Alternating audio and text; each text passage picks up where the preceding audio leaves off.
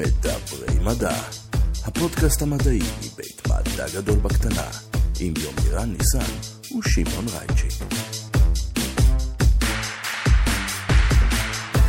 ברוכים הבאים למדברים מדע, הפודקאסט הרשמי מבית מדע גדול בקטנה, אני שמעון רייצ'יק, לצידי יומירן, ניסן, מאלף העטלפים המאלף שלעולם לא מתעלף, מה שלומך? בסדר גמור, אני רק אגיד שאני מאלף עטלפים ממש גרוע. באמת? כן, זה לא, לא, לא אחד מה-best qualities. הם לא יודעים לעמוד על הרגליים האחוריות ולהתחנן לחטיף? אה, פחות, לא איתי לפחות, עם אחרים כן. הבנתי. תגיד, יש פה בגן הזואולוגי אה, מגוון רחב של חיות, יש פה את אה, עוף החול, עדיין לא, אנחנו עובדים על זה. זה שקם לתחייה מתוך אה, הכלום או החול, אני מניח. אה, כן, אבל עדיין אין לנו כזה, אנחנו עובדים על להנדס אחד כזה גנטי. הולך ליד לנו פרק אה, אקס-מני במיוחד, אתה רוצה להציג את האורח שלנו להיום? בוודאי, אז האורח שלנו היום שמגיע אה, בעקבות שיתוף הפעולה הנהדר שלנו עם עמותת Science Abroad הוא דוקטור רונן שוסטר. הוא מגיע אלינו מאוניברסיטת אה, טורונטו שבקנדה. הוא עושה שם אה, פוסט-דוקטורט מטורף שמשלב בין אה, מערכת החיסון ליכולות ריפוי, לכל מיני רשתות נוירונים מוזרות שאומרות כל מיני דברים שהוא בכלל לא חשב עליהם, אה, וזה באמת אחד הפרקים האלה שמפילים את הלסת. שווה, שווה. ואם הלסת נופלת, אתה יכול אה, לתת למקופאז'ים ולפיברובלסטים לתקן לך אותה. הולך להיות פרק מדהים, אני כבר לא יכול לחכות להתחיל לדבר מדע. רונן, מה העניינים? ברוך הבא לפודקאסט, אה, ברוך הבא לארץ, מה שלומך? ברוכים הנמצאים, תודה רבה שאתם מארחים אותי. יומירה, מה העניינים? וואלה, אתה יודע, עוד יום, עוד פרק. עוד יום עוד פרק, בנקודה הזאת בזמן זה ממש נכון, אנחנו מקליטים כמעט כל יום, אה, יותר מפעם אחת בחלק מהימים. זה תמיד, אה, אתה יודע, כיף לראות אותך שש שעות ביום בערך. נכון, אה, כל התענוג הזה הוא אגב אה, לכם המאזינים, בשבילכם אנחנו קמים מוקדם ביום שישי, סתם אנחנו עושים את זה כי זה ממש כיף. רונן, בוא נפסיק לדבר על עצמנו, לא, זה בסדר, אני הולך עוד שנייה לדבר על עצמי הרבה מאוד, אז... נתייחס. לאורח שבחדר, בוא תציג את עצמך. אז אני רונן, פוסט-דוקטורנט באוניברסיטת טורונטו בקנדה כרגע. אה, בשנתי, ה... מסיים את שנתי הראשונה ובתחילת השנה השנייה. דוקטורט עשיתי באוניברסיטת בן גוריון בבאר שבע. ואני חוקר ומתעניין בתיקון רקמה ופיברוזיס ואיך הגוף יודע להרוס ולבנות את עצמו מחדש. תיקון רקמה, כולנו יודעים לאן זה מוביל, נכון? ברור. כן. אה, איזה סרט אקסמן הוא החביב עליך? זה בעיה, כי באופן גורף הסרטים הם לא מה שאני הכי מחבב ב- לא, אה? ב- בפרנצ'ייז, אבל אני חייב להגיד ש-Days of Future Past היה אחד המוצלחים יותר. רגע, זה ההוא עם כן. החזרה המוזרה בזמן משהו? כן. הבנתי. אני הפסקתי לעקוב, מבחינתי זה הכל אותו אחד. לא, זה היה אחד העיבודים היותר, אה, אה, מדויקים שאני אהבתי, שנשאר נאמן לקומיקס. אוקיי, אז בעצם השאלה הבאה היא, האם חשבתם על המחקר שלכם בעקבות וולברין? אז, אז אישית עבורי זה תמיד היה ה- הפיץ'. אני, אני מת על הרעיון של אנחנו עוברים פציעה או נזק ונוכל לשלוט במהירות שבה זה מתוקן. ה- באדם בריא, בלי בעיות, בעצם הרצון הוא שזה יהיה מיידי, נכון? מי לא היה רוצה שנקבל איזה שריטה במצח, או תיכרת לנו היד ומיידית נצמיח יד חדשה והכל עובד והכל תקין, וזה יכול להיות וולברין או דדפול, תבחר את לא, אבל בדדבול לוקח לו זמן אם הוא מאבד איבר. כן, אבל זה נורא יפה ומדויק, כן. כי היד מתחילה קטנה ואז גודלת, וזה מאוד כאילו תואם למה שאנחנו חושבים שהביולוגיה באמת עושה. באמת כרתו לו את היד בסרט, אתה יודע? הוא קראת לעצמו, לא? כן, כן, אז, שחקן טוטאלי. אז, אז מי, מי לא היה רוצה שיהיה את היכולת הזאת? ו, ובו זמנית, ברפואה המודרנית, אחד האתגרים הקשים הוא דווקא המצב ההפוך, שבו התיקון לא מפסיק. ומחלות פיברוטיות, או בעברית צחה, ליפתיות, שאני מת על המילה הזאת אוי. אישית. העברית- העברית היום צחה מאוד. כן, אז uh, המחלות האלה זה מחלות שמתאפיינות במצב שבו הגוף לא מפסיק לתקן את עצמו. וזה נשמע כאילו זה לא כזה נורא, אבל uh, בא- באור, כשזה קורה, אנחנו יכולים uh, להגיע למצב שיש צלקת, לא רק שהיא בולטת ולא יפה אסתטית, היא ממש מפריעה לטווח תנועה של היד. ובן אדם שיש לו צלקת פה על המרפק, אני עכשיו מראה את היד שלי ומזיז אותה, אבל הם עוברים ניתוחים פלסטיים כדי להחזיר לעצמם טווח תנועה. תלכו. לאיברים אחרים בגוף, לריאה וללב, זה איזון מאוד מאוד עדין. אוקיי, אני אז חייב רגע אה, להגיד, אבל ש- כשאמרתי ל- לשמעון שהולך להיות לנו אה, פרק אה, וולברין והוא צריך להביא את ה-A-גיים שלו, התגובה שלו הייתה, רגע, החיה או הדמות מהקומיקס? אני כזה, למה שאני אגיד לך מראש על החיה? זאת חיה ממש היא מגניבה. ממש, נכון. היא ממש נכון. מגניבה. א', והיא- הם חמודים פצצות, ושתיים, fucking עם טל- טל- טלפיים וחופרים כן. בשלג והם חמודים תוך כדי, זה מדהים, זו כן. חיה מטורפת. אני, מחכה למצוא אחד כזה בקנדה, יש איזשהו, כן? איזשהו זן וולברינים קנדי שאני עוד לא, עוד לא עשינו מספיק טיולים, אני אני לא- הולך לחפש. ללטף אחד ולתת לו לאכול אותי תוך כדי. זה, כנראה יהיה הכיוון שלו. ואז אני כזה אומר לו כזה, רגע, אוקיי, נגיד אנחנו מביאים זואולוג לדבר על זה. למה כאילו שאני אגיד לך את זה מראש ובהתלהבות? הקטע שלך זה, זה קומיקס, זה דברים מוזרים כאלה. או, אתה אה, אפילו לא יודע מה הקטע. ואז כזה הוא נורא נורא אה, אה, התלהב מהעניין. אז קודם כל, בוא תספר לנו בעצם איך אה, פציעה מתרחשת, מה קורה בגוף כש, כשיש פציעה, ואז איך אתה אה, הולך להנדס לנו אה, את וולברין האמיתי. נהדר. אז אני אוהב לתת את הדוגמה דרך האור, כי זה אחד הדברים שקרה לכולנו ונורא קל להבין, אבל מה שאני הכי אוהב בפרויקט הזה זה האוניברסליות שבו, במובן של אותו רצף אירועים שמתרחש בעקבות פציעה בעור, אנחנו יכולים לתאר אותו גם בלב, בריאה, במוח, במעי, תבחר איבר, אותם אירועים קורים. השחקנים אולי טיפה שונים, הדקויות טיפה משתנות, אבל הרצף נשמר. אז פציעה מתחילה מזה שיש איזושהי טראומה לרקמה, איזשהו נזק שגורם לחלק מהתאים למות, להתפוצץ, זה יכול להיות מכני כי... נגיד, אכל אותי וולברין. נגיד החיה. אכל, אכל אותך וולברין, אה, יכול להיות שבמקום וולברין בא הדינוזאור החמוד הזה מפארק היורה וריסס עליך את, ה, את החולצה, גם זה אה, זה סוג גם של. injury. זה גם סוג של כן. injury. יכול להיות ש... ישנת על היד יותר מדי זמן, והיא נרדמה, וישנת ממש הרבה זמן, ולא ירדת מהיד, וחסמת עליה את זרימת הדם. זה יש גם... לי חבר כנר שזה קרה לו, והוא לא יכל לנגן איזה חודש. כי, כי הייתה שם אינג'רי, כי ה... ברגע שעצרת את אספקת החמצן והדם לרקמה, היא חווה את אותו תגובה של פציעה. כל אחד מהדברים האלה שאמרתי עכשיו, מכני, חוסר אספקת דם וחמצן, שאנחנו קוראים לזה בשפה הרפואית, יש לנו רקמות שבעצם אה, מת- מתו, מת, אני מניח, או, או בדרך למות. או בדרך למות, אה, או שהם פשוט... כן, אוקיי, נכון. נסכם את זה ככה. נכון, רקמות כשהם מתו או בדרך למות, והן אומרות, איה, כואב לי, אני, זה, זה קורה. אה, אז השלב הראשון זה שאם יש דימום ושבירה של כלי הדם, המוסטזיס, עצירת הדימום, וזה מה שאנחנו רואים מהחיים, התעשיות, הרשתות הקטנות האלה של הפיברין, וזה שלב מאוד מאוד חשוב, לא רק כי אנחנו רוצים לעצור את הדימום, אלא הוא כבר מתחיל את הרצף אירועים הבא ו- ומכין את הקרקע לשלב שאותי הכי מעניין, וזה שלב הדלקת. בכל ריפוי, בכל פציעה, יש לנו דלקת, והדלקת... גם בכל פרק של הפודקאסט הזה, שתדע לך, כבר כמה פרקים. נכון, ו- ו- והיופי בפציעה, ו- וזה היה כל התמה של הדוקטורט שלי, הדלקת היא חיונית. עובדה היא שאם אנחנו עוצרים את הדלקת, הריפוי לא יתקדם כמו שצריך. זה אחת הסיבות שנגיד כל הקרמים של אה, סטרואידים שמורחים על העור, האזהרה הראשונה עליהם זה לא למרוח על פצע פתוח. כן. ו- ואחד הדברים הכי בסיסיים שאנחנו יודעים לעשות בבעלי חיים זה לקחת פצע, לטפל בו עם אה, סטרואידים, נוגדי דלקת לא סטרואידליים, כל מצב שאני אעצור בו את הדלקת לאורך מספיק זמן, הפצע לא יתרפא, הוא יתרפא לאט יותר ופחות טוב. כי אנחנו יודעים שהדלקת זה מנגנון בעצם של, אה, אנחנו יודעים בעקבות הפודקאסט, מנגנון של קריאה לעזרה של כל אה, מנגנוני הריפוי הרלוונטיים, אה, ואיזשהו גיוס מילואים של... זה, זה אנלוגיה נהדרת. אז, אז זה גם הפעלה של גיוס מילואים, ומגיעים תאים ממחזור הדם ומעוד אה, מקורות אחרים, שתלוי עוד פעם ברקמה, כי ללב יש מקורות משלו, לעור יש מקורות משלו, אבל כן. קוראים לעזרה מהחבר'ה מסביב. ובנוסף לכך, הדלקת היא לא רק אה, קריאה לעזרה, היא חלק פעיל, כי כדי לתקן משהו, הרבה פעמים אני צריך להרוס, נכון? אם יש לי חור בחלון ועכשיו יש לי שברים של זכוכית, אני קודם צריך לשייף את השברים האלה, ליצור איזשהו אה, מקום נקי וחדש שעליו אני יכול להלביש את הטלאי. אני שיפצתי את הבית עכשיו, אני יודע דבר או שניים על אז- לשייף לפני שאתה... נכון, נכון. אה, שמעון היה אה, מגיע לפה ואומר... אה, כן, מלא בצבע. מלא בצבע, פעם אחת הוא בא עם מכ- מכנסיים, אתה יודע, כזה בלויים מכוסים בסיד, זה היה מאוד, כן. מאוד מרשים לראות את שמעון. אז, סתם, אז, לא אז, כך. אז אמרנו שהשלב הראשון היה עצירת הדימום, לאחר מכן יש לנו דלקת, כל השלבים האלה, אגב, הם לא באמת נפרדים, הם חופפים וקורים אחד עם השני במקביל, אבל אנחנו יודעים ככה להפריד אותם במשכים.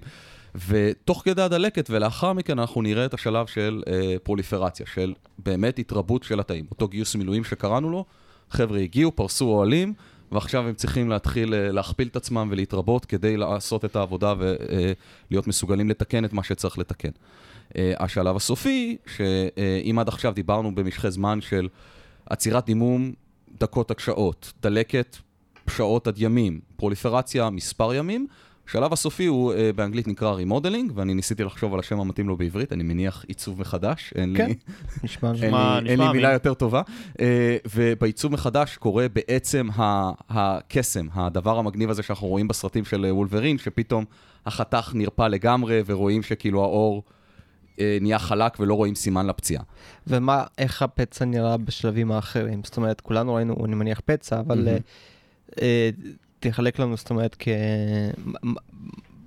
מה- קורה לפני זה? הפצע עובר כל מיני שינויים. נכון, ו- ובעצם אה, אחד הדברים שאנחנו גם יודעים להגיד, שביונקים הבוגרים, גם בסוף התהליך והרימודלינג עצמו, שיכול להימשך מכמה שבועות עד לכמה חודשים, אתה לא מחזיר את הרקמה בדיוק למה שהיא הייתה.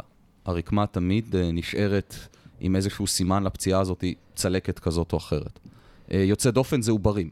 עוברים יודעים לתקן את עצמם לגמרי נקי, קומפלט. איך אומרים, אני, אני אוהב להגיד שהם עדיין באחריות.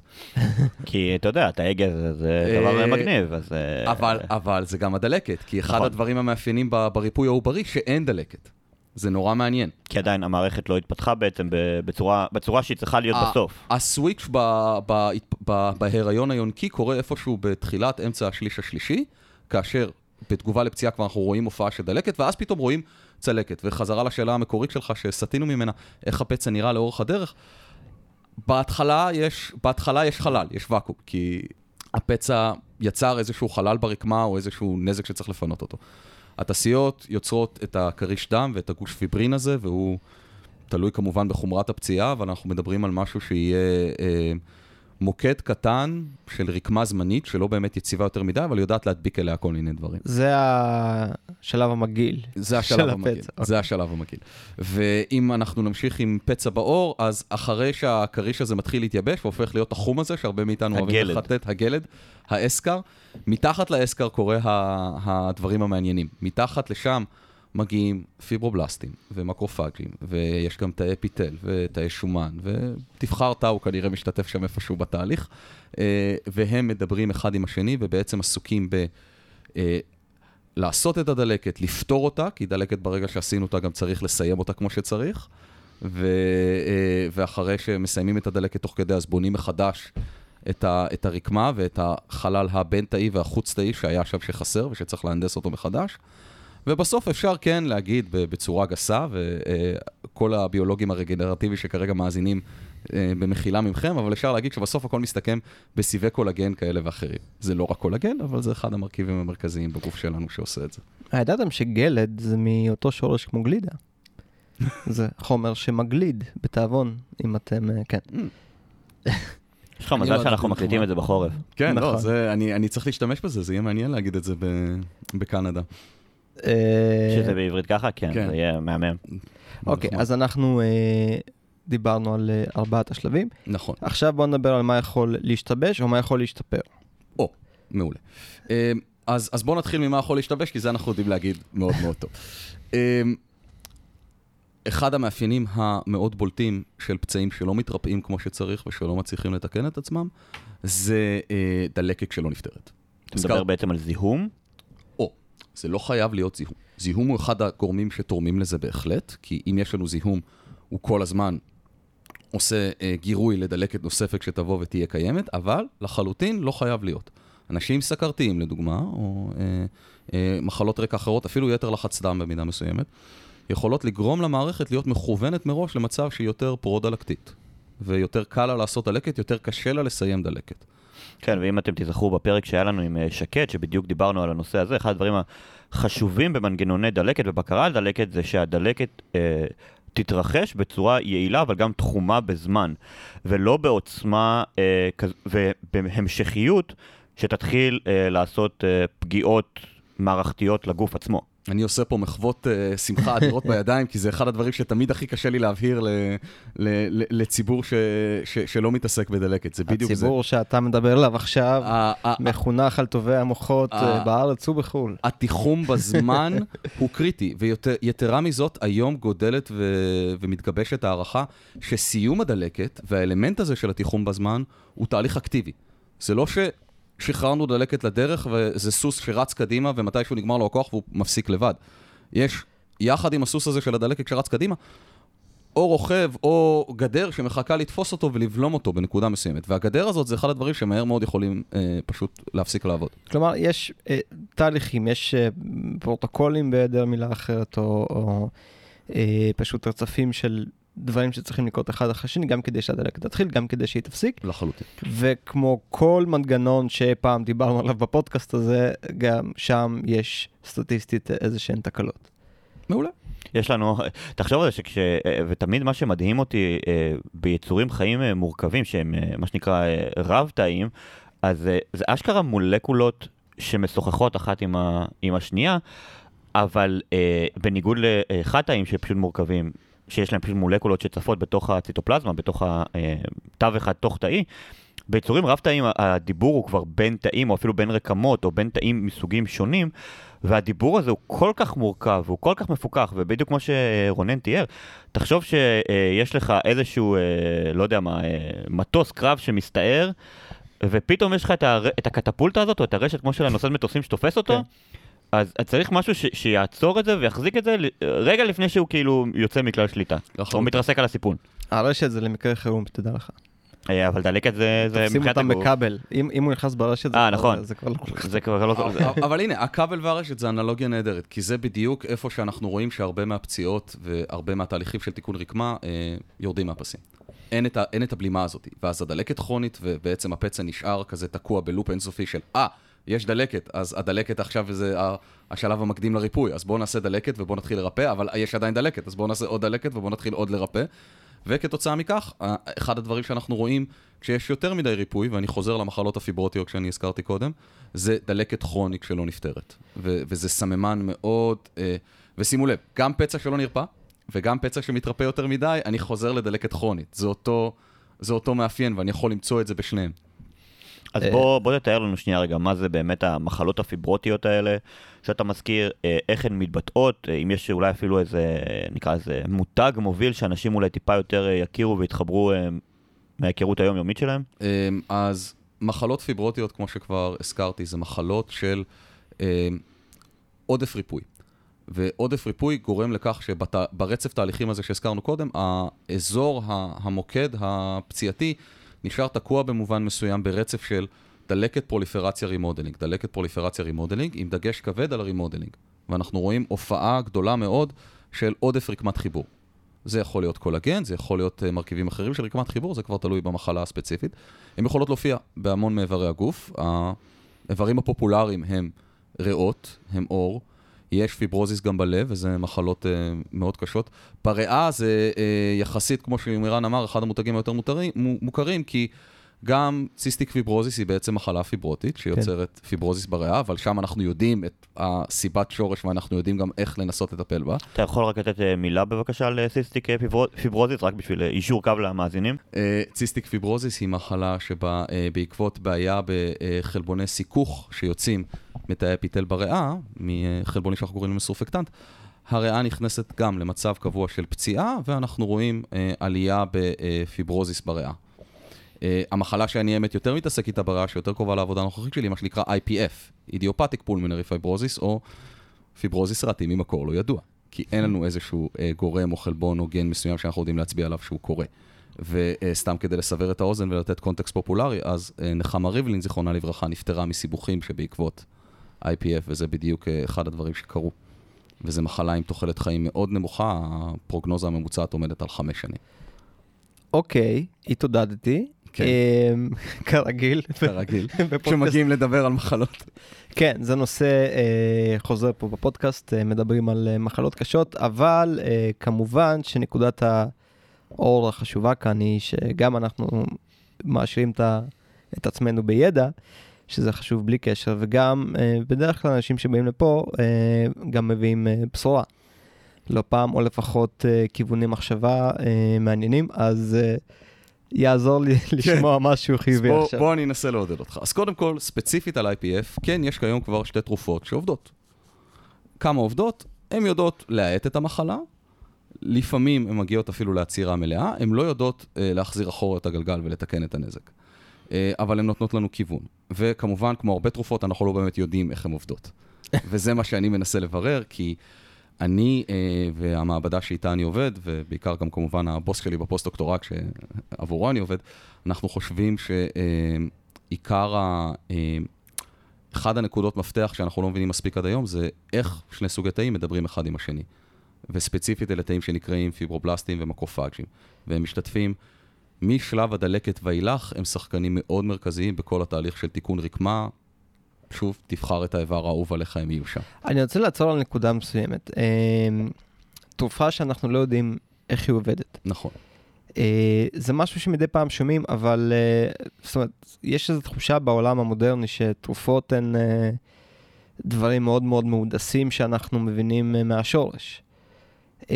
מה זה אומר שיש לנו תרופה שאנחנו לא יודעים איך היא עובדת ומאיפה הגענו אליה? אז אני אה, אה, כבר אגיד ואומר שבעוונותיי אני גם רוקח, אה. ולמדתי בבית ספר רוקחות. גם. סבתי, ז"ל. כן, אז אני מאוד שמח שאני יכול לדבר על תרופות, זה... מקצוע זה- מדהים, האמת, כן. זה, זה פורט על נימי נפשי, בוא נגיד את זה ככה. ואנחנו לא חייבים לדעת איך תרופה עובדת בדיוק כדי להוכיח שהיא יעילה. מה שאתה אמרת הוא מאוד מאוד נכון במובן, וזה תמיד הדיון שלי, וגם כשהייתי רוקח בדלפק, תמיד הסברתי את זה למטופלים ו- ועודדתי אותם שלא להשתמש בתוספת תזונה, אלא אם כן יש ממש צורך ו- והוכחה מוכחת ליעילות, כי אני לא חייב לדעת מה התרופה בדיוק עושה כדי לדעת שהיא יעילה, והיא יודעת לטפל בסבירות גבוהה במחלה מסוימת. ורוב תהליכי גילוי התרופות, למעשה מהר מאוד עוברים משלב בוא נוכיח את המכניזם המדויק המולקולרי, איזה מולקולה היא משנה, מה היא מסובבת בתוך התא כדי שעכשיו המחלה תתרפא, ולמעשה מתמקדות, מתמקדים בשני דברים באופן מוחלט, וזה בטיחות ויעילות. קודם כל בוא נראה שהתרופה עושה כמה שפחות נזק, או אנחנו יודעים להגיד בדיוק כמה נזק היא תעשה, כן. ובוא נוכיח שהתרופה באחוז גבוה מהמקרים, סטטיסטית, תוביל לשיפור במצב המחלה. בשאיפה ריפוי, אבל לא תמיד זה אפשרי.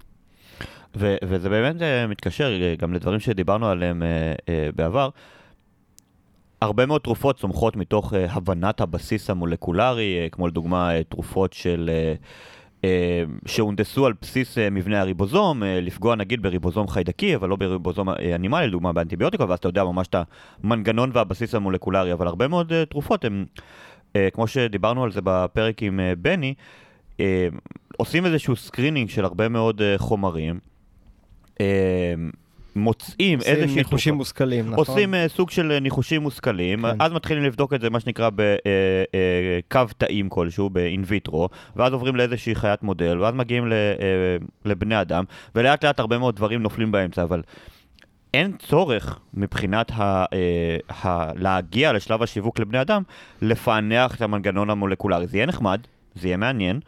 אה, זה גם יכול לתת לנו תובנות לעתיד, אבל זה לא בהכרח משהו ש... ש... זה לא משהו שה-FDA או סוכנויות אחרות דורשות ממך. אני לא רוצה, אתה יודע, להיסחף עם הדיון הזה יותר מדי, פשוט הנקודה שלי הייתה לא היעילות של התרופה, אני, אני מסכים, ואני גם מבין שבהחלט אפשר להוכיח שמשהו עובד ובטיחותי.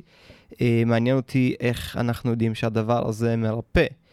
אה, זאת אומרת, הייתה צריכה להיות איזושהי הנחה שאם נשלב חומר XYZ, נזריק אותו, נקבל אה, תגובה יעילה, יעילה, וזה משהו שבני אדם עושים האמת לאורך אה, כל ההיסטוריה. אנחנו באופן אה, אקראי יותר או פחות אה, מוצאים את עצמנו מרכיבים אה, חלקיקים מהעולם לדברים שטובים לנו, ותרופות הן אה, חלק גדול מזה. אה, התרופה פחות מעניינת, מה שמעניין זה התהליך. נכון. אבל אה, אתם שניכם, אה, בלי להתכוון נראה לי, נגענו בעצם המוקד של הפרויקט שלי בפוסט-דוקטורט, והוא שאני מנסה לבנות מערכת טובה יותר, חכמה יותר ויעילה יותר, לעשות את התגליות האלה. כלומר, אני הולך להשתמש בחומרים שאנחנו יודעים שעובדים, ושיש להם איזשהו אפקט שמוביל לשיפור במחלה פיברוטית, אה, ואני הולך להשתמש בהם כנקודות רפרנס ומוצא, כדי לראות האם המערכת שאני עכשיו בונה ומתכנן ומנסה לגרום לה לעבוד, תגלה יותר ביעילות חומרים חדשים. אוקיי, זאת העלילה של ספיידרמן. הראשון, סליחה. זה פשוט... אה, בדקת, מישהו בדק שזה לא הופך אותך ללטאה, או ששוב פעם צריך יהיה... אה, אני, אני מאוד בעד שזה יהפוך אותי ללטאה, אני. אני, אני לא נגד. אה, זה יהיה נורא נחמד נראה לי אם אה, בפרק, אה, כשרונן יגיע לכאן אה, מתישהו בעתיד שוב, הוא יישב כאן אה, בחלוק, אה, מטונף- עם זנב אה, ירוק אה, ועם משקפיים, כמובן. מבחינתי זה בונוס. כן, אה, הבנתי. אה, כן, אבל אז אתה תהיה אה, אה, אקטותרמי, ואנחנו נצטרך כאן לדאוג שהטמפרטורה תהיה מספיק אה, סאונה, כדי שאתה... כדי שאני אזוז ואוכל לדבר. כן, שתוכל אה, לתפקד, שזה תמיד... אה, אה, תמיד הפליא אותי בסרטי אה, ספיידרמן, איך הוא, איך קוראים ל- לדוקטור? דוקטור... לא? זוכר. קונורס, אני חושב. כן, דוקטור קונורס יושב בביוב הקפוא והקר בניו יורק ומתפקד כרגיל בזמן שהוא לטאה. אז כאילו... נכון. כן, גם, גם בבטמן, קרוק, יש לו את אותה בעיה. יש לנו- תנין שחי בביוב. נכון, היה פה מומחה לטאות ממש לא מזמן, ו... כן, אה, בוא בוא נחזור, בוא נחזור אה, רגע. אז אוקיי, ב- ב- במה אתה מנסה לטפל? בחלק, א' כל באיזה שלב של, של הריפוי, ובעודף ריפוי או בחוסר ריפוי? אז התשובה מתחלקת לשניים. אני מנסה לטפל בדלקת, וספציפית באיך שהדלקת נפתרת, כי להתניע אותה זה הבעיה הפחות קשה שיש לנו, רוב האנשים יכולים להתניע דלקת לא רע בכלל. אה, ובאיזה שלב, סליחה, באיזה שלב אמרנו הדלקת? עכשיו, בגלל שדלקת כרונית היא מאפיין גם של חוסר ריפוי וגם של עודף ריפוי, אני מקווה מאוד שהמחקר שלי יוביל לדברים שיכולים ללכת לכאן או לכאן. היא קל להתחיל מהכיוון של פיברוזיס, כי יותר קל להתעסק עם מערכת שכרגע צריך לבלום אותה ולעצור אותה ופחות להאיץ אותה. אבל בהיגיון בריא אפשר לחשוב על זה שאם אני מוצא תרופה שיכולה אה, להאט ריפוי יתר, אם אני אמצא לה את המשקל נגד, את ההופכי, אז אולי זה מה שיכול להאיץ ריפוי. אה, לחלופין, יכול להיות גם שאם הסיפור הוא רק יושב סביב הדלקת, וכל מה שאני צריך לעשות זה לעזור דל- לדלקת להיפטר בזמן, ייתכן וזה מספיק כדי לעזור לבן אדם רגיל לרפא יותר מהר. מה עושים היום? אין הרבה יותר מדי מה שאפשר לעשות היום. היום מסתמכים על זה שהבן אדם הבריא יצליח לרפא את עצמו, ובאמת, אם תלך למחלקה לכירורגיה פלסטית, יגידו לך שכל עוד הבן אדם בריא ואין מחלות רקע, אין סיבה יותר מדי לדאגה. הוא יתקן את עצמו גם תחת ניתוחים וגם תחת uh, טראומות uh, קשות מאוד. אה, אה, ככה הגענו לקורונה. אה, ו- ואם, יש לבן אדם הזה מחלת רקע, בדגש על משהו כגון סוכרת, שזו מחלה שיודעת לסבך הרבה מאוד תהליכים בריפוי הפצע ולהשפיע על כמעט כל אה, שכבה של התהליך, אמ, אז אנחנו נכנסים לבעיה, כי זה ממש היום הופך להיות לכיוון של זריקת קובייה. כל מה שאפשר לעשות זה לתת את הטיפול התומך המיטבי ביותר, לנסות לשמור על הפצע כמה שיותר נקי, כמה שפחות uh, מאותגר, ולקוות שאיכשהו הבן אדם עדיין יצליח לתקן אותו.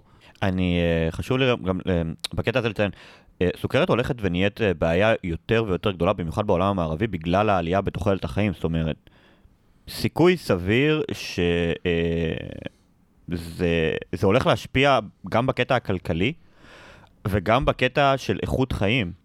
אה, על הרבה מאוד אנשים ובאוכלוסייה הולכת וגדלה. זה כבר משפיע, המגמה שאתה נכון. מתאר, אנחנו כבר בתוכה. העלויות של ריפוי בפצעים, הסקירות הכי מהימנות שיש לנו כמובן מגיעות מארצות הברית, כי זה איפה שיש אה, הכי הרבה מידע לאסוף, אבל כל מקום שסוקר ובודק את זה, אנחנו רואים שהעלות הכלכלית, העלות הנפשית, כי לטפל בפצע שלא מחלים, ובן אדם שעכשיו יש לו קיב ברגל שלא נרפא, זה לא רק נטל על אותו בן אדם, זה נטל על המטפלים הקרובים שלו, על מעגלי התמיכה, מרמת אה, אנחנו צריכים עזרה ולעלות לו במדרגות, עד לרמת זה מסריח וזה מגעיל ואנשים לא רוצים להתקרב אליו, ועכשיו הוא סובל גם מבדידות ומדיכאון. כן. אז אה, הזכרת שני סוגי תאים שאנחנו צריכים למצוא להם שפה משותפת, נכון. לעשות ביניהם הסכם שלום. בואו נדבר על התאים האלה. אוקיי, אז אה, נתחיל מהפיברובלסטים, שזה המוקד של אה, המעבדה שלי בפוסט-דוקטורט, וה... אה, יש להם שם מגניב. נכון. פ... שם טוב להקת מטאל? לא, דווקא לא. לפיברובלסטים? לא, אה, אול- אוליגודנדרוציטים זה הרבה יותר היה מגניב. נכון. אבל לא, אני, אני לא חושב על הפיברובלסטים בתור להקת מטאל, אבל יותר להקת קאנטרי אולי. זהו, ב- בז'אנר נכון? המוזיקה זה יכול להתאים. כן, קאנטרי. כן, כן. פעם ראשונה שיש לנו משהו לקאנטרי. לא, היה כבר כאן. באמת? כן, הם. גם, זה, זה גם נורא מתאים, כי פיברובלסט, כשהוא אה, נמצא באתר פציעה וזה, הוא מנגן שירים מאוד עצובים, כמו רע לי ובודד לי, תבואו כן, לעזור לי, זה ממש זה כאן. כזה, אוקיי. blast. ומה הוא עושה? אמ, או, קודם כל בואו נתחיל ממה זה ומאיפה הוא מוגדר. אה, ההגדרה המקורית לפיברובלסטים כנראה נעוצה בשנות ה-40-50, שאז התחילו לעשות את כל האפיון ההיסטולוגי של כל רקמות הגוף, וראו סיבים, וראו תאים ליד הסיבים האלה, וראו שהתאים האלה מייצרים סיבים, ולכן פיברובלסטים, הם, הם- עושים סיבים. עושים סיבים. Uh, הסיבים האלה, היום אנחנו יודעים להגיד, הם בעיקר כל מיני סוגים של קולגן, אבל לא רק. קולגן, uh, למי שלא מכיר, זה אחד מהמרכיבים של החומר שיש לנו ברקמה שבין התאים. והוא נותן לנו את היציבות המבנית לאור, כל הקרמים והשמפויים האלה שאומרים שהם מועשרים בקולגן. אני לא יכול להעיד על היעילות שלהם, אבל כן, אם אנחנו נעשיר מבנה בקולגן, הוא יהיה יציב יותר, גמיש יותר, מתוח יותר, כמובן תלוי איזה קולגן. רק צריך להגיד שוויטמין C, שהרבה מקשרים לו כל מיני אה, אה, יכולות ריפוי אה, מופלאות כאלה ואחרות, התפקיד העיקרי שלו בגוף זה בעצם לייצר את אותם, להשתתף בתהליך ייצור של אותם סיבי אה, קולגן. אה, בגלל זה חוסר בוויטמין C יגרום למחלת הצפדינה, שמחלת יורדי הים קראו לה בעבר, כשלא היה להם גישה לפירות וירקות טריים. אה, ובעצם זו החשיבות הגדולה של ויטמין C, של אה, ריפוי פצעים וכאלו ואחרים, פשוט כי אז הגוף משתמש בהרבה מאוד ויטמין C כדי לייצר סיבי קולגן ולסגור את הפצע, לתפור את הפצע נקרא לזה. אמת ויציב, ולפני שמישהו רץ למרוח תפוז על הפצע שיש לו כרגע בעור, אז כבר בדקו את זה, ניסו להוסיף ויטמין C בכל הצורות, קומפלקס ליפוזומלי, מה שאתם לא רוצים. כנראה שזה לא מספיק לבד וצריך עוד דברים. אז הפיברובלסטים, אמרנו, הם מייצרים אה, רקמת חיבור. עכשיו, אה, כמו כל דבר, יש להם אה, מצבים, מצבי הפעלה, כי התאים שלנו אף פעם לא יודעים להיות סטטיים במצב בודד. וכשהם חווים פציעה, ובאתרי פציעה, אנחנו רואים שהרבה פיברובלסטים מאמצים פנוטיפ שנקרא מיופיברובלסטים. מיו מלשון שריר, למה? התצפית הראשונית עליהם הייתה שהם יוצרים סיבי מתח בשלד התאי שלהם, והסיבים האלה מכווצים. במקביל גם שמו לב שהמיופיברובלסטים האלה יותר טובים בלהוציא החוצה קולגן ולייצר קולגן שמשתלב ברקמה החוץ-תאית. אז המיופיברובלסטים האלה הם משנים קצת את הצורה שלהם, הם נהיים מפס דקיק למעין כזה, אוהבים לאייר אותם בתור אה, ריבוע גדול עם אה, קצוות מהודקים, מעין מפרש כזה, ובתוך הריבוע הזה אנחנו יכולים להבחין בסיבי מתח שרצים לאורך התא, הם גם בדרך כלל מסתדרים בצורה אה, מאוד מאפיינת. ו... אה, אה, הם מייצרים גם קולגן, ובעצם התפקיד שלהם הוא לדחוף קדימה את השלב ה remodeling הזה. ובמחלות פיברוטיות, מה שאנחנו רואים זה הפעלה יתרה של המיופיברובלסטים האלה. במקום להיות שם לקצת זמן, לעשות את מה שהם צריכים לעשות ולהיעלם, הם נשארים, לא הולכים לשום מקום, ופשוט בונים עוד ועוד ועוד ועוד ועוד ועוד בלי הפסקה.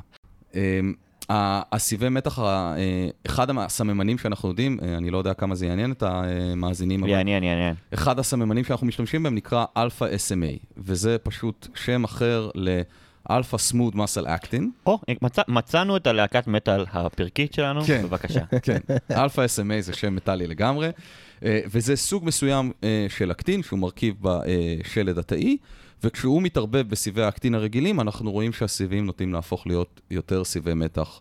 ואתה מתכווץ בצורה אה, חזקה יותר. ומיופיברובלסטים הם ממש כמו שריר, הם יודעים לכווץ. יש לנו אה, תבחין מאוד מגניב במעבדה, שאני מאוד אוהב, שאני יכול לגדל את התאים על אה, מצע סיליקון מסוים, וכשהמיופ... והפיברובלסטים הופכים למיופיברובלסטים, אני יכול לראות אותם מקמטים את מצע הסיליקון, ואני יכול למדוד את זה במיקרוסקופ, וזה די מדהים. מגניב.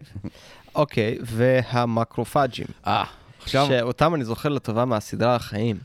הם נהדר, היו אה, מכוניות כאלה נהדר. אז, אז בסדרה החיים... מכוניות או חלליות? הם היו כאלה פאקמנים. פאקמנים כן, צהובים. זהו, נכון. אני, פאק, אני, פאק, אני, פאק, אני קורא להם הפאקמנים הצהובים. נכון. ואתם כבר עשיתם לי את העבודה, כי זה תמיד, ה- בטח בישראל זה האנלוגיית ה- ברירת המחדל שלי. מקרופאגים הם תאים ממערכת החיסון. גם להם, כמו לפיברובלסטים, יש כל מיני מקורות בגוף. אה, המקור הקלאסי שאוהבים לתאר הוא ממח העצם, תאי גזע מסוימים מתמיינים הלאה בשורה שלהם והופכים להיות מונוציטים, אותם מונוציטים יוצאים לזרם הדם, ובעקבות איתות, נגיד מאתר פציעה, הם יגיעו לרקמה מסוימת ויבשילו שם למקרופאגים. זה רק צד אחד של התהליך, יש גם מקרופאגים שנמצאים ברקמה כברירת מחדל, הם יכולים גם לבוא ממקורות אחרים, אבל בואו בוא ניצמד לקלאסיקה. ובקלאסיקה הזאת התפקיד שלהם הוא לעזור להילחם בחיידקים ולפנות זיהומים. ואז הם הפאקמנים הצהובים האלה. וכשהם הפאקמנים הצהובים, אנחנו היום אוהבים לתאר אותם בתור M1. אוקיי? עכשיו, אה, מדברים היום הרבה על classically versus alternatively activated macrophages, מופעלים קלאסית, לא מופעלים קלאסית, זה פחות, אני פחות אוהב את הסיווגים האלה, כי המציאות היא הרבה יותר מורכבת. אה, אבל במבחנה, בצלחת תרבית, אני כן יודע לדחוף את זה לנקודות קיצון האלה. ואחד הנקודות קיצון תהיה ה-M1, מה הוא עושה? הוא בולע הרבה מאוד, אה, מבצע פעולה שנקראת פאגוציטוזה, ועסוק מאוד בלייצר דלקת, הוא פרו-דלקתי, כשהמטרה של הדלקת הזאת, חשבו לפחות בעבר, לעזור להילחם באיזשהו זיהום חיידקי. יש סרטונים מדהימים של אה, רואים אה, בכל מיני מדיות, אה, כמו שרונן מתאר, שאתה ממש רואה מקרופג רודף אחרי איזושהי בקטריה. זה בדרך כלל נוטרופיל. או כן, או איזה שזה, אבל כאילו זה פשוט אדיר, פשוט נכון, חוזר, ואז נכון. כאילו מקיף, ואז... נכון. הסרטון הקלאסי הזה הגיע דווקא מנוטרופילים בדרך כלל, זה כן. סרטון שמראים בקורסים לאימונולוגיה, אבל זה רעיון מאוד דומה, וזה... גם הנוטרופילים וגם הקופג'ים יודעים בקטע הזה לבצע פעולה דומה. כשאתה אומר קלאסי, באיזה חוגים? אליי הסרטון לא הגיע, אבל תשלח לי בבקשה. שופן. אני- אשלח, אני אצרף את זה למקורות של הפודקאסט. אה, עכשיו, אז אמרנו שיש M1, נכון? אם יש M1, מה כנראה עוד יכול להיות קיים? M2, יש להם גם קיצון שני. נשמע ששיומי העתיקו את הסדרה שלהם איפשהו. אה, יכול להיות. הטלפונים. ו- וה-M2 או אה, מקרופאג'ים מופעלים בצורה אלטרנטיבית, או מקרופאג'ים מופעלים בצורה לא קלאסית, ותבחרו פן מסוים בספרות, אתם תמצאו אותם מתוארים בצורה מסוימת. אה, אנחנו יודעים להגיד שהם קודם כל פחות דלקתיים, והם נוטים להיות לפעמים בעד סיום הדלקת. יותר חשוב מזה, הם רגולטורים מאוד משמעותיים של תהליך תיקון הרקמה. וכל המעבר הזה בין השלבים שאני תיארתי, מהדלקת לפרוליפרציה, ל remodeling, בכל, תר... בכל מעבר של השלבים, אתם תמצאו מקרופאג'ים כאלה שמשחקים תפקיד. ויש עבודות נפלאות שמראות איך כשאנחנו, יש לנו כלים אה, במודלים של בעלי חיים, לרוקן באופן זמני מקרופאג'ים בת... בנקודות זמן ספציפיות. וכשעשו את זה לאורך כל תהליך ריפוי הפציעה, הראו שכשאין את המקרופאג'ים, הפציעה לא מתקדמת. זאת אומרת- האמת שזה די מדהים שאתה חושב על זה, זאת אומרת שלתאים האלה יש לא רק תפקיד של אה, בליעת או חיסול אה, זיהומים, אלא ממש תפקיד אקטיבי אה, בריפוי אה, פציעה, שאני באופן אישי, כאילו, אה, אפילו כביולוג, לא כל כך מכיר את, ה, את העולם הזה של אה, ההשתתפות של תאי הדם הלבנים ב, אה, בתהליכי ריפוי של פציעה. לרוב כשאתה חושב על, על, על תאי מערכת החיסון, אתה חושב על מלחמה ישירה בזיהומים כאלה ואחרים. אה, זה גם מה שמלמדים לרוב בקורסי האימונולוגיה השונים, ופחות מתייחסים לפן הזה. חד משמעית, חד משמעית. זה אומנם הקונספט של אה, מקרופאג'ים שמופעלים אלטרנטיבית, או M2s, קיים כבר לא מעט שנים בספרות, ואנחנו מכירים אותו, אני חושב, בהערכה גסה, אי אלו 20 או 30 שנה, אה, אבל עד כמה עמוקים הם בתוך התהליכים הביולוגיים, אני חושב שכל כל זמן שעובר אנחנו מעריכים את זה יותר. ואנחנו יודעים להגיד שה-M2s בתהליך ריפוי הם קריטיים. עכשיו, הם קריטיים עוד פעם, לא רק כדי לקדם את התהליך כמו שצריך, לכו למחלות הפיברוטיות שהזכרתי קודם בתחילת הפודקאסט, הם שם. מחלה פיברוטית, אני אראה הרבה יותר M2s שפועלים כל הזמן ולא יודעים ללכת החוצה בזמן, ואז הם מקדמים את המחלה הפיברוטית. ואנחנו מתח... מצליחים סוף סוף להגיע ל... אה, בעצם ההיפותזה המרכזית של הפרויקט שלי בפוסט-דוקטורט, והוא כבר מקובל ויחסית אה, מוכר שמקרופאגים מסוג M2 יודעים לקדם פיברוזיס. וכשאני אומר יודעים לקדם פיברוזיס, הם יודעים לקחת פיברובלסט ולעזור לו להפוך להיות מיופיברובלסט, או לעזור לו להישאר מיופיברובלסט ליותר זמן. אני באתי, ובשיחה הזאת של בין התאים, שאלתי את השאלה הפשוטה, מה הפיברובלסט אומר למקרופאג? ואיפה הפיברובלסט מדבר עם המקרופאג, והוא אומר לו, תהיה יותר M1, M2, תהיה יותר M0, מה לכל הרוחות קורה שם. אה, חשבתי, אז את באה לפה הרבה? אה, יכול מאוד להיות שגם זה חלק מהדיאלוג. מה המיקרופאג' אמר לפיברוגלס? כן, כן. יופי. זה הכותרת של הפרק. לא.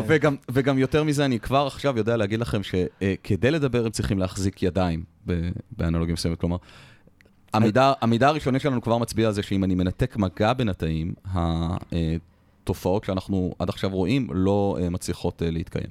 אה, נשמע שכמו שהדייט הלך אה, מוצלח. פחות או יותר, לפעמים. במצב התקין. במצב התקין. אוקיי. עכשיו בוא שנייה רגע נדבר יותר על המחקר שלך. כשאתה, כשדיברנו לפני, בעצם דיברת על זה שאתה ביולוג, מרקע של ביולוג, אבל הפרויקט שלך הוא מאוד מאוד חישובי מהקטע הזה שאתם מנסים ללמד מחשב, מתקדם ומשוכלל ככל שיהיה, אבל לש... לסייע לכם להבין כל מיני תהליכים. אז מה בעצם ה... נכון. איך אתם בעצם אה, עושים את זה? מה הכיוונים? אז, אז בואו ננסה לחבר את כל הפיסות האלה שהזכרנו לאורך הפודקאסט. יש לנו שני סוגי תאים שמאוד מעניינים אותנו, מקרופאג'ים ופיברובלסטים. לכל סוג תא כזה יש כמה וכמה מצבי הפעלה. נניח שלפיברובלסט, לצורך הוויכוח, יש שני מצבי הפעלה, בינתיים, ולמקרופאג יש שני מצבי הפעלה, אבל כדי באמת להסתכל על שני המצבי הפעלה האלה, אני צריך עוד שני צורונים של המקרופאג שהם הטרום מצב הפעלה הזה. אז בקומבינטוריקה אנחנו כבר מדברים על מטריקס של 2 על 4. כן. אה, תכניסו את זה לזה שאני צריך את זה בחזרות ביולוגיות, כי לראות משהו בביולוגיה פעם אחת לא משכנע אף אחד. תכניסו את זה שאני רוצה להתחיל לסקור ספריות חומרים ולחפש תרופות חדשות שיודעות, אה, אה, שיודעות לתקן פיברוזיס ויודעות לעזור או להאיץ או להאט ריפוי פצע.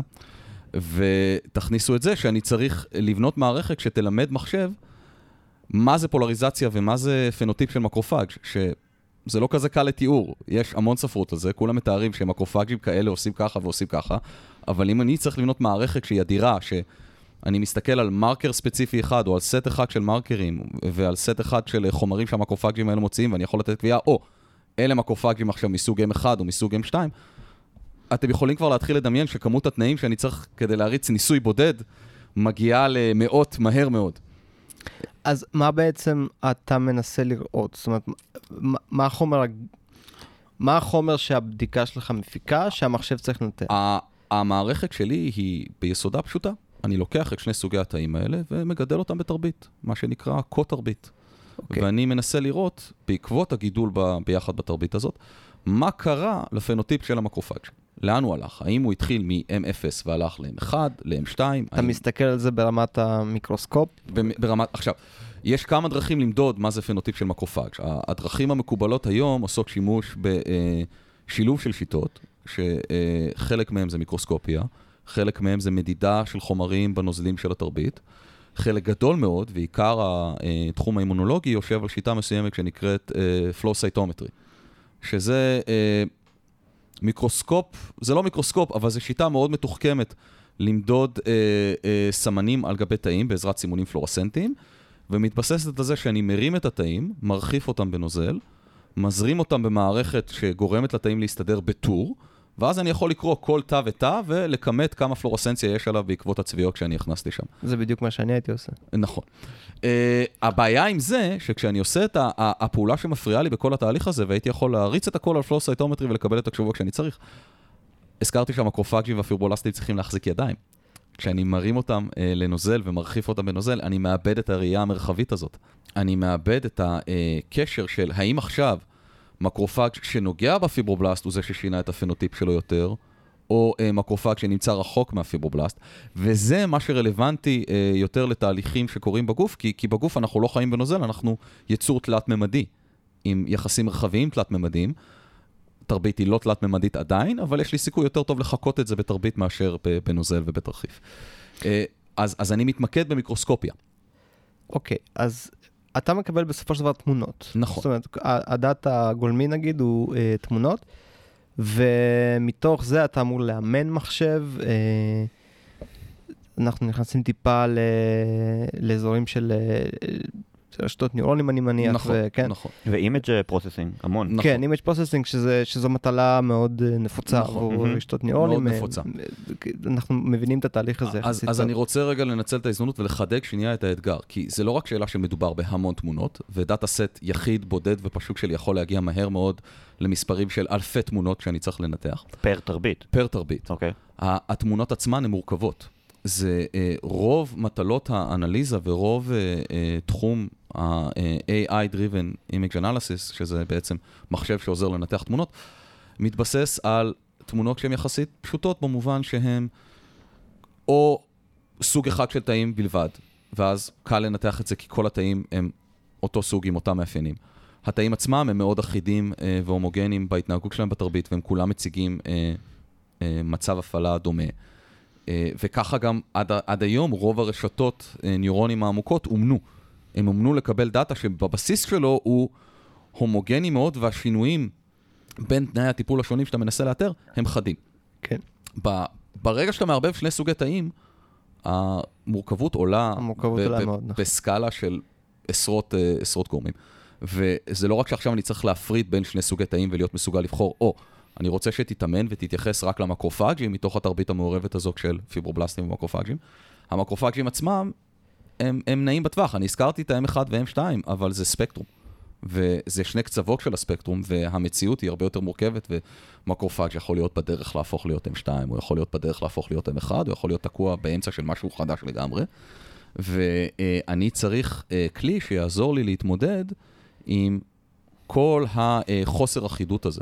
ואיך הטכנולוגיה הזאת מוכיחה את עצמה, או איך אתם uh, מודדים את היעילות שלה ויודעים עד כמה היא מדויקת? Uh, זו שאלה נהדרת שמהווה את רוב ההתעסקות היומיומית שלי בניסויים, כי 아, לתקף, לתקף אני... מערכת כזאת זה, זה לא פשוט. כן. אני רק אגיד שגם ברגע שהם יצליחו ממש לתקף אותה, זה ברמת uh, פטנט... Uh, פורץ דרך, ורונן מהנהן פה בהתלהבות ובהסכמה, כי, כי באמת מדובר כאן על אתגר ביולוגי עצום, ושוב, אנחנו מדברים פה רק על שני סוגי תאים. נכון. שזה מטורף, כי, כי תחשוב על זה שבגוף שלנו זה הרבה יותר משני סוגי תאים, ואז אתה, אני מניח שהאנד גיים, זה שוב, זו הנחה שלי, תתקן אותי אם אני טועה, זה לקחת בעצם רקמה מבן אדם, לה, להסתכל עליה, ללמד את המחשב, לת, להזין לו את אותה, אה, אה, נקרא לזה, אה, רקמה היסטולוגית, לתת אותה לאיזוש, ל, למיקרוסקופ לצלם ולנתח, ולמחשב לנתח, ואז לקבל איזושהי... אה, אה, הבחנה פתולוגית. לחלוטין. ו- okay. אוקיי. ו- ויתרה מזאת, זה, זה אפילו לא, זה, זה רק צד אחד של האנד גיים, כי זה האנד גיים ההבחנתי, שיאפשר לי לקחת בן אדם שעכשיו יש לו פצע, לצבוע אותו בסט המרקרים שאני הצלחתי לתקף במערכת שלי, ואז אני אדע לנבא האם הפצע הזה הולך להחלים או לא, מה אני צריך לעשות, מה הטיפול הכי יעיל שאני יכול להציע לבן אדם. הצד השני של המשוואה הוא, עוד פעם, ככלי לגילוי של תרופות ולחקר של הביולוגיה, להבין איך הביולוגיה הזאת מתנהגת. אני רוצה להנדס רקמות מבוקרות על צלחת תרבית. הדרך הכי קלה שלי כביולוג להתחיל לחקור מערכת ולבנות אותה, זה אני רוצה שתהיה לי מערכת שאני יכול לשכפל בפלטוק של 96 ו-384 באריות, כי אז אני יכול לחזור על זה כמה פעמים שרק בא לי, וכל פעם לבדוק חומר אחר או אה, עקומת מינון של חומר אחר, ולראות מה עובד הכי טוב. ו- וכל זה כי אני צריך לשמר את היחסים המרחביים, או לפחות חלק מהמדידה חייבת לשמר את היחסים המרחביים, דורש אנליזה מורכבת של תמונות מיקרוסקופיה, וזה החיבור לסטארט-אפ שאיתו אני עובד גם במהלך הפוסט, ושלשמחתי הרבה גם, ועוד פעם, זה לחלוטין לא להתכוון, אבל איכשהו הישראלים והיהודים תמיד מוצאים אחד את השני בחו"ל. המייסד של הסטארט-אפ הוא קנדי יהודי, שעשה את הדוקטורט שלו בטורונטו, אבל עשה גם סמסטר בטכניון, והוא אחד הבודדים שאני יכול לדבר איתם בעבודה בעברית ולקשקש איתו על אה, מה, מה קורה. כי יהודים סטטיסטיים, סטטיסטית, נוטים יותר לשכפל את עצמם על צלחות פטרי ו... כן. ולהגיע לכל אה, מקום. אז, אז אורן אולי עוד יקשיב לפודקאסט הזה, כי הוא מהבודדים שעובד איתי שיכול להבין, אז אני עכשיו אגיד לו שלום ותודה רבה על ההזדמנות. אורן, אנחנו שמחים שגם אתה מאזין. אה, אתה גם מוזמן אם אתה בארץ ובא לך לדבר על אה, כל מיני דברים. אנחנו נציע לו את זה בשמחה, הוא יכול לפרט על הצד החישובי הרבה יותר טוב ממני. אוקיי, ומה מצבנו בניסיון הזה? זאת אומרת... אה, אז בוא נדבר שנייה. מתי נוכל לגדל זנב שתלשו לנו מתחת לאיזה סלע במשך יומיים. בואו נדבר רגע על, על הצד החישובי ומה החידוש הגדול שאורן הכניס ושאנחנו מקווים שיוביל להצלחות. הוא רשתות ניורונים עמוקות, באנגלית הן נקראות Deep Learning Neural Networks. כן. אה, מתבססות בעיקר על uh, סיווגים ידניים. אתה מתחיל עם איזשהו uh, uh, מידע אמת בסיס, יסוד, שאתה כמי שרוצה שהמחשב ילמד משהו, מגדיר לו, אוקיי, יש לי ערימת כדורים. הנה ערימה של כדורים ירוקים, הנה ערימה של כדורים אדומים. עכשיו, אתה תמיין לי את כל הכדורים לכדורים ירוקים או כדורים אדומים. נכון. וזה ה-ground truth שאני מספק. Um, אבל השיטה הקלאסית לעשות את זה מתייחסת לכל image בודד ככדור. כלומר, אם יש לי בתמונה אחת של המיקרוסקופ כמה עשרות טובות של תאים, שזה מה שאני יכול לתפוס ברזולוציה, כל התמונה עצמה תסווג ככדור אדום או ככדור ירוק. זה לא טוב לי. אמרתי כבר שיש לי הטרוגניות בתרביק שלי, והתאים שלי בתוך התמונה יכולים להיות ירוקים, אדומים או כל דבר בין הדברים האלה. ולכן אני קודם כל צריך אסטרטגיה שתאפשר לי אה, אה, לחלץ החוצה את התאים הבודדים ולסווג אותם. אה, והשיטות הקלאסיות על זה, עוד פעם, מתבססות עד עכשיו על מישהו כמוני ידני, ביולוג, שיושב על סט מאוד גדול של תמונות, ומתחיל פשוט לצייר ולשרטט ולהגיד, זה תא אחד וזה תא שני, ועכשיו תיקח את התא הזה ותסווג אותו לפי הזה.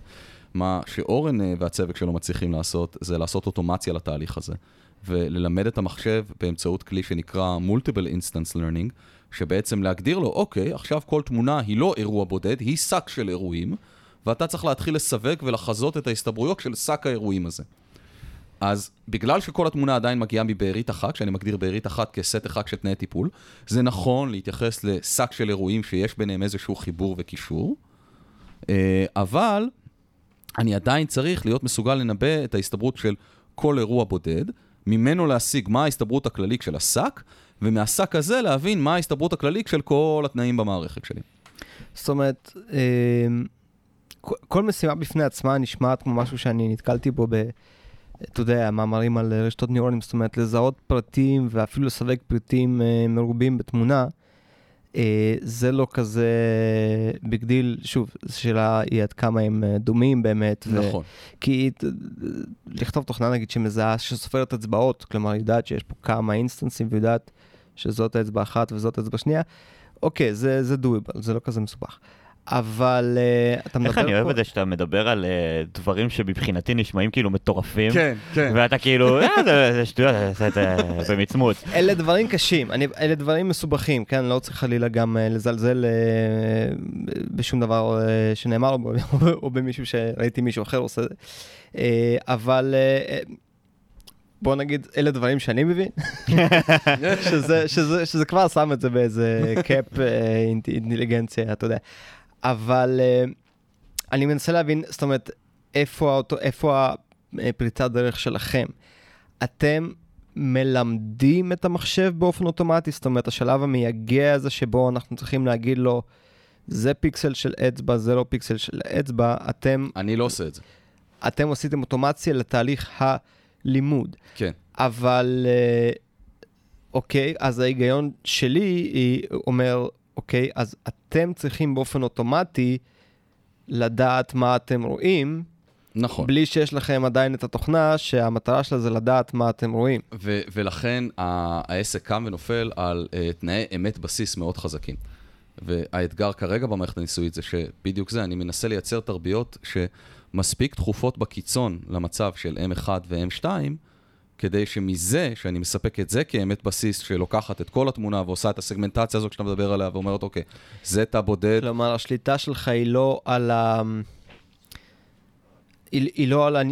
אתה לא מסתמך על זה שאתה מנתח את התמונה באופן אינטליגנטי, אתה פשוט אומר, אני יודע מה אני נותן לו. נכון. אני נותן לו עכשיו לראות רק אה, M1, עכשיו אני נותן לו לראות רק M2. נכון. הבנתי, מגניב. נכון. ועכשיו אני נותן להם לראות אותם מעורבבים, ועכשיו תגיד לי מי זה אחד ושתיים. ולא רק זה, אחת ההצלחות הגדולות שהיה לי ממש לפני הקריסמס, זה שב data set אחד, אני נתתי לו את התרבית הכי נקייה של M1 ואת התרבית הכי נקייה של M2 שהצלחתי לייצר. כן. ולא רק שהוא למד מה זה M1 ומה זה M2, ובתרביות הבקרה של מקרופאג'ים, שאני לא הגדרתי לו מה הם, הוא חזה נאמנה מה קורה. כן. בתרביות המעורבבות של מקרופאג'ים עם פיברובלסטים, שאני בכלל לא אמרתי לו, תתחיל עכשיו ללמוד מה זה פיברובלסט, מה זה מקרופאג, הוא נתן לי תחזית שהתאימה למה שאני ראיתי אחרי זה בתמונות, שאני דגמתי מתוך הדאטה סט, ואמרתי, כן, באמת אני רואה פה יותר M2 ובאמת אני רואה פה יותר M1. זה, זה באמת הקסם הגדול של, אה, בעיניי לפחות, אחד הקסמים הגדולים של, אה, של הטכנולוגיה הזאת של רשתות ניורונים, אה, אנחנו, זאת אומרת, מנסים לשלב את זה בהרבה מאוד תחומים בחיים, ו... אחת הדוגמאות האהובות עליי באמת זה הזיהוי אה, גידולי, גידולים סרטניים. נכון. כאשר הרשת אה, הסתמכה על אזור בתמונה שאף אחד לא ידע להסתכל עליו לפני זה, אבל נטו בגלל הקורלציה של התמונות, המחשב לא מבדיל מה חשוב, מה לא חשוב, הוא פשוט מסתכל על המון תמונות.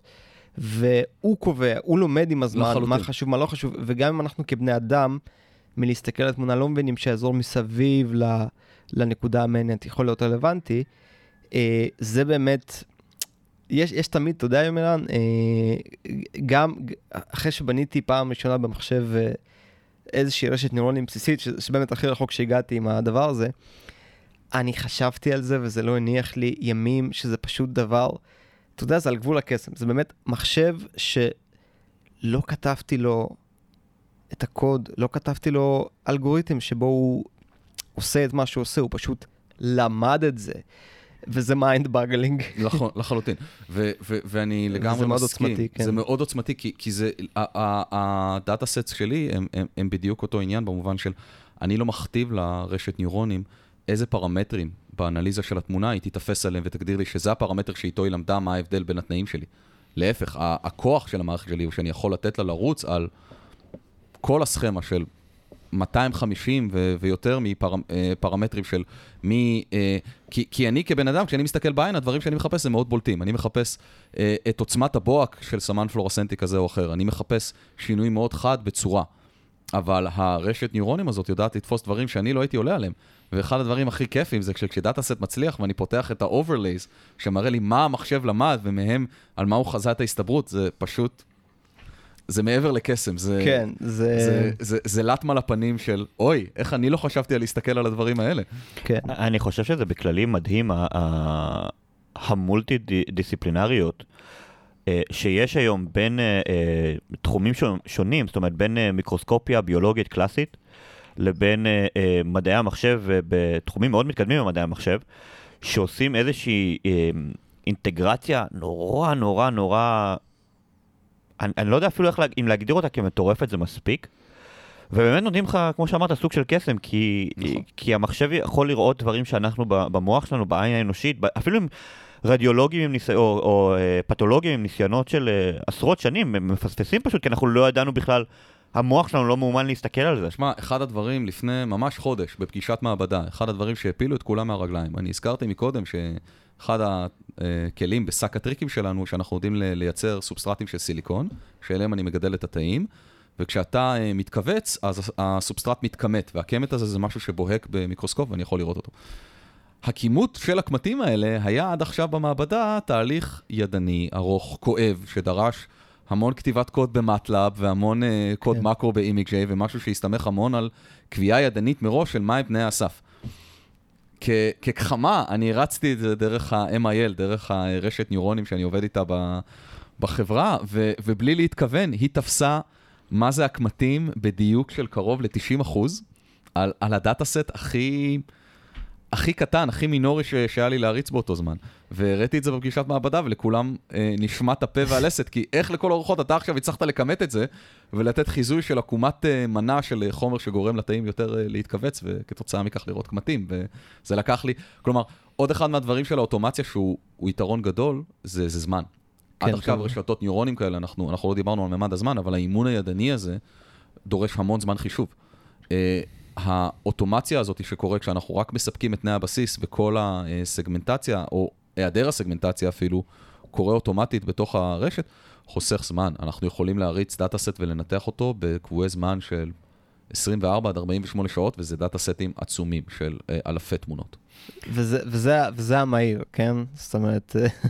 וזה כמה, המהיר. כן, אני מתאר לעצמי כמה זמן זה לקח לפני. אגב, זה קורה כשהמערכת עובדת, כן? אם יש, אם יש באג, אז, אז 48 שעות האלה הופכות להיות שבוע. אני uh, רוצה רגע, אולי טיפה, אני אתם אה, נורא מוכוונים, ממה שאני מבין, על uh, uh, תאים הומניים, תאים של uh, בני אדם. נכון. אבל אני טיפה רגע רוצה אולי uh, uh, לשאול בכיוון אחר. יש הרי יצורים uh, חיים, uh, והרבה סרטי uh, קומיקס uh, התחילו ככה. אמ, שיש להם יכולות רגנרציה וריפוי הרבה הרבה הרבה יותר טובות בשביל אה, בני אדם, אה, בין אם זה לטאות מסוגים שונים, ובין אם זה תנינים, ובין אם זה... אפילו הזבוב. שלמדנו, כן, ואפילו זבובים, אבל למדנו אה, כמובן מאלכס שלטאות ותנינים אלה סדרות נפרדות. אמ, והאם אתם בעצם מתכוונים להסתכל גם על היכולות שלהם? כי הרי בסופו של דבר המערכת קיימת, לקחת מהם את התאים זה לא יותר מדי קשה. ונראה לי סתם, כאילו איזושהי מחשבה נורא נורא מגניב, יהיה להסתכל על ההבדלים בינינו לבינם, ולתת לאותו מחשב, שכבר יודע, מאומן פחות או יותר, להסתכל על התהליכים האלה. אז, אז מה שאמרת נשמע לי מרתק, אני רק uh, חייב להיות המדען ולהתחיל לסייג אחורה, כי קודם כל המחשב עוד לא מאומן, ועוד לא יודע לעשות את זה עד הסוף, אם הוא היה, אני לא הייתי, בשנה הראשונה של הפוסט הייתי כותב את המאמר ואולי יכול להתחיל לחפש לפתוח מעבדה, uh, אז יש עוד עבודה עד לשם. Uh, לגדל את השורות תאים האלה בתרבית ולגרום להם באמת להתנהג כמו שצריך, בצורה אדירה, בצורה עקבית. גם עכשיו אני עובד עם תאים שמגיעים מתורמים אנושיים, אז השונות שלי בין תורם לתורם היא גבוהה. זה כרגע, ה... אני, אני תקוע עדיין... אז אם אנחנו הולכים 400 מיליון שנה באבולוציה אחורה, זה קצת יותר קשה. אה, בדיוק. אה, אבל זה רעיון מרתק, ואם יש זואולוג שמקשיב בטעות ורוצה להתחבר ולהתחיל לדבר על זה, כי אני לא יודע איך לבודד מקרופאג'ים מסלמנדרה, אני יודע איך לעשות את זה מעכבר ומבן אדם.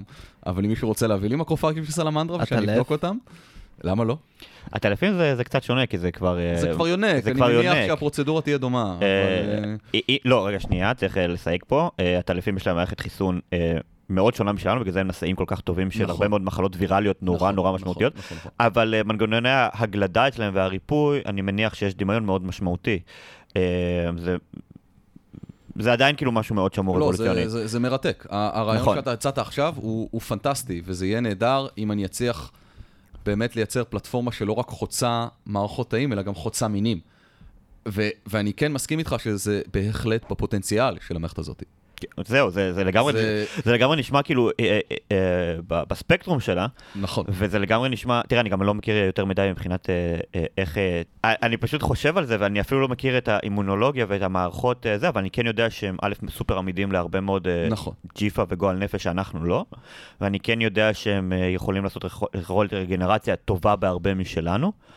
אה, וזה סתם יהיה נורא מגניב, ו- ואני יודע שיש גם מעבדות שעובדות על הדברים האלה. אה, כל ההנדסות הגנטיות המוזרות, ולהעביר אה, גנים מכאן לגנים לשם, ולערבב וזה, והרבה מאוד יצורים אה, מוזרים שמחכים להשתלט על העולם, גדלים בכל מיני מעבדות מוזרות. מה מה זה מוזרות? זה פה למטה. המעבדה שלך פה למטה. אני, אני, אני מכחיש, אה, אה, אני לא, אני לא מודה ולא מכחיש שום לא- דבר. לא מאשר. ולא- לקחת אותי לסיור שם. אה, לא, אה, אני, אני מסכים איתך לחלוטין, וזה זה, זה רעיון מרתק. כי באמת יש, אה, קיימים בטבע אה, יצורים שהם יודעים, כל תא במערכת שלהם מתנהג טיפה אחרת מהתאים שלנו, והאוסף הזה של התכונות פתאום יוצר מופע שונה לחלוטין של מה קורה בזמן פציעה ובזמן תיקון. שמעון כבר כותב את משחק המחשב. אני, אני אגיד לכם משהו אה, ככה לסיום. אה, הזכרת מקודם את, אה, את, את המולטי-דיסציפלינריות שיש בת- בתחום הזה, ואני דווקא חשבתי על, על, ה- על אה, לופ בכיוון אחר. רשתות ניורונים הן בעצם מודל ניסיון לחקות את המוח שלנו, את המוח הביולוגי האנושי, פשוט שאלו מה המודל המת- המתמטי המתאים, ו... אה, אותן סינפסות שדיברנו עליהן, אה, באיזה פרק זה היה? עם בני. עם בני, אה, עוצמת החיבור שלהם, אלה בעצם המספרים שמהם בנויה רשת ניורונים. זה המודל המתמטי שרשת ניורונים אה, מדמה, ומסתבר שאם אנחנו מדמים במחשב את המוח של עצמנו ונותנים לו לעשות, או לה, לרשת הזאת, משימות שקשות לנו, למוח של עצמנו, כי הוא מורכב מדי, כי הוא בנוי לטפל ביותר מדי דברים, אבל הרשת הזאת, שבנויה על הבסיס שלנו, מטפלת בבעיה אחת ספציפית שאנחנו מאמנים אותה אליה היטב, היא מסוגלת לעשות uh, את כל אותם הקסמים uh, ופעל, והפעלולים שאנחנו uh, רואים בשנים האחרונות. Uh, אז uh, לחיי רשתות ניורונים, uh, אני מקווה שהם uh, יעשו למחקר שלך טוב, אני מקווה ש... אני, אני מתחיל לחשוב עכשיו, אתה נתת לי רעיון, האם אני יכול ליישם את אותה לוגיקה ביולוגית של תיקון וריפוי על רשת נוירונים שעושה לי באגים?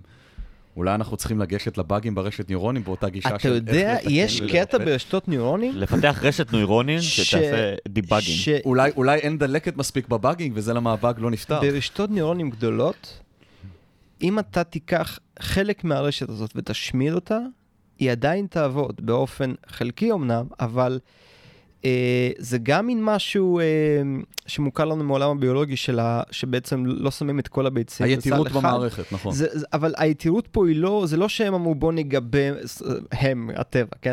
זה לא שהטבע אמר בוא נגבה משהו בצד, זה פשוט מערכת שהלוגיקה שלה באופן אינהרנטי כל כך מפוזרת, ואין מקום אחד שבו הלוגיקה קורית. זה כל המערכת עובדת ביחד. בגלל זה נכון. גם באופן כללי לטפל בדברים... אה, טבעיים, זאת אומרת, אנחנו מדברים פה על, אנחנו מתפלפלים פה על מה עושה תא אחד ולפעמים אה, חלבון אחד לתהליכים אה, עם אה, הרי גורל. וזו הסיבה, כי המורכבות היא עצומה, אבל אחד הבנפיטים הוא שבאמת אובדן של חלק גדול מה, או חלק מסוים מה, מהדבר לא עוצר את כל התהליכים, זאת אומרת, עדיין אפשר לתפקד. Uh, זה נושא אינסופי, זה נושא אינסופי, um, וזה רק הנושא הנלווה לנושא שאיתו uh, באת לפרק הזה, שתשמע, אני אומר את זה הרבה, אבל uh, באמת שהשעה הזאת עברה לי מול העיניים, ו... אוי, איך אני שמח. וגם אתה, מימרן?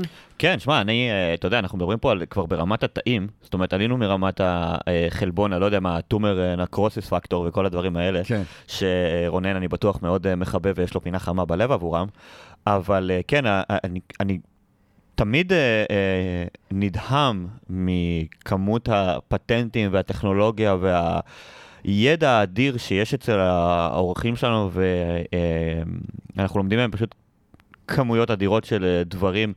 סופר מופלאים, בין אם זה על קומיקס ובין אם זה על יצורים, אה, יצורי על שנהנדס בעתיד, ובין אם זה על דרכים טובות יותר ויעילות יותר וחכמות יותר לזהות ולפתור הרבה מאוד בעיות שמשפיעות על החיים של הרבה מאוד אנשים היום. וגם ישפיעו כנראה על החיים שלנו בעתיד. רונן, תודה על פרק נפלא. תודה לכם. אנחנו נאחל לך המון בהצלחה.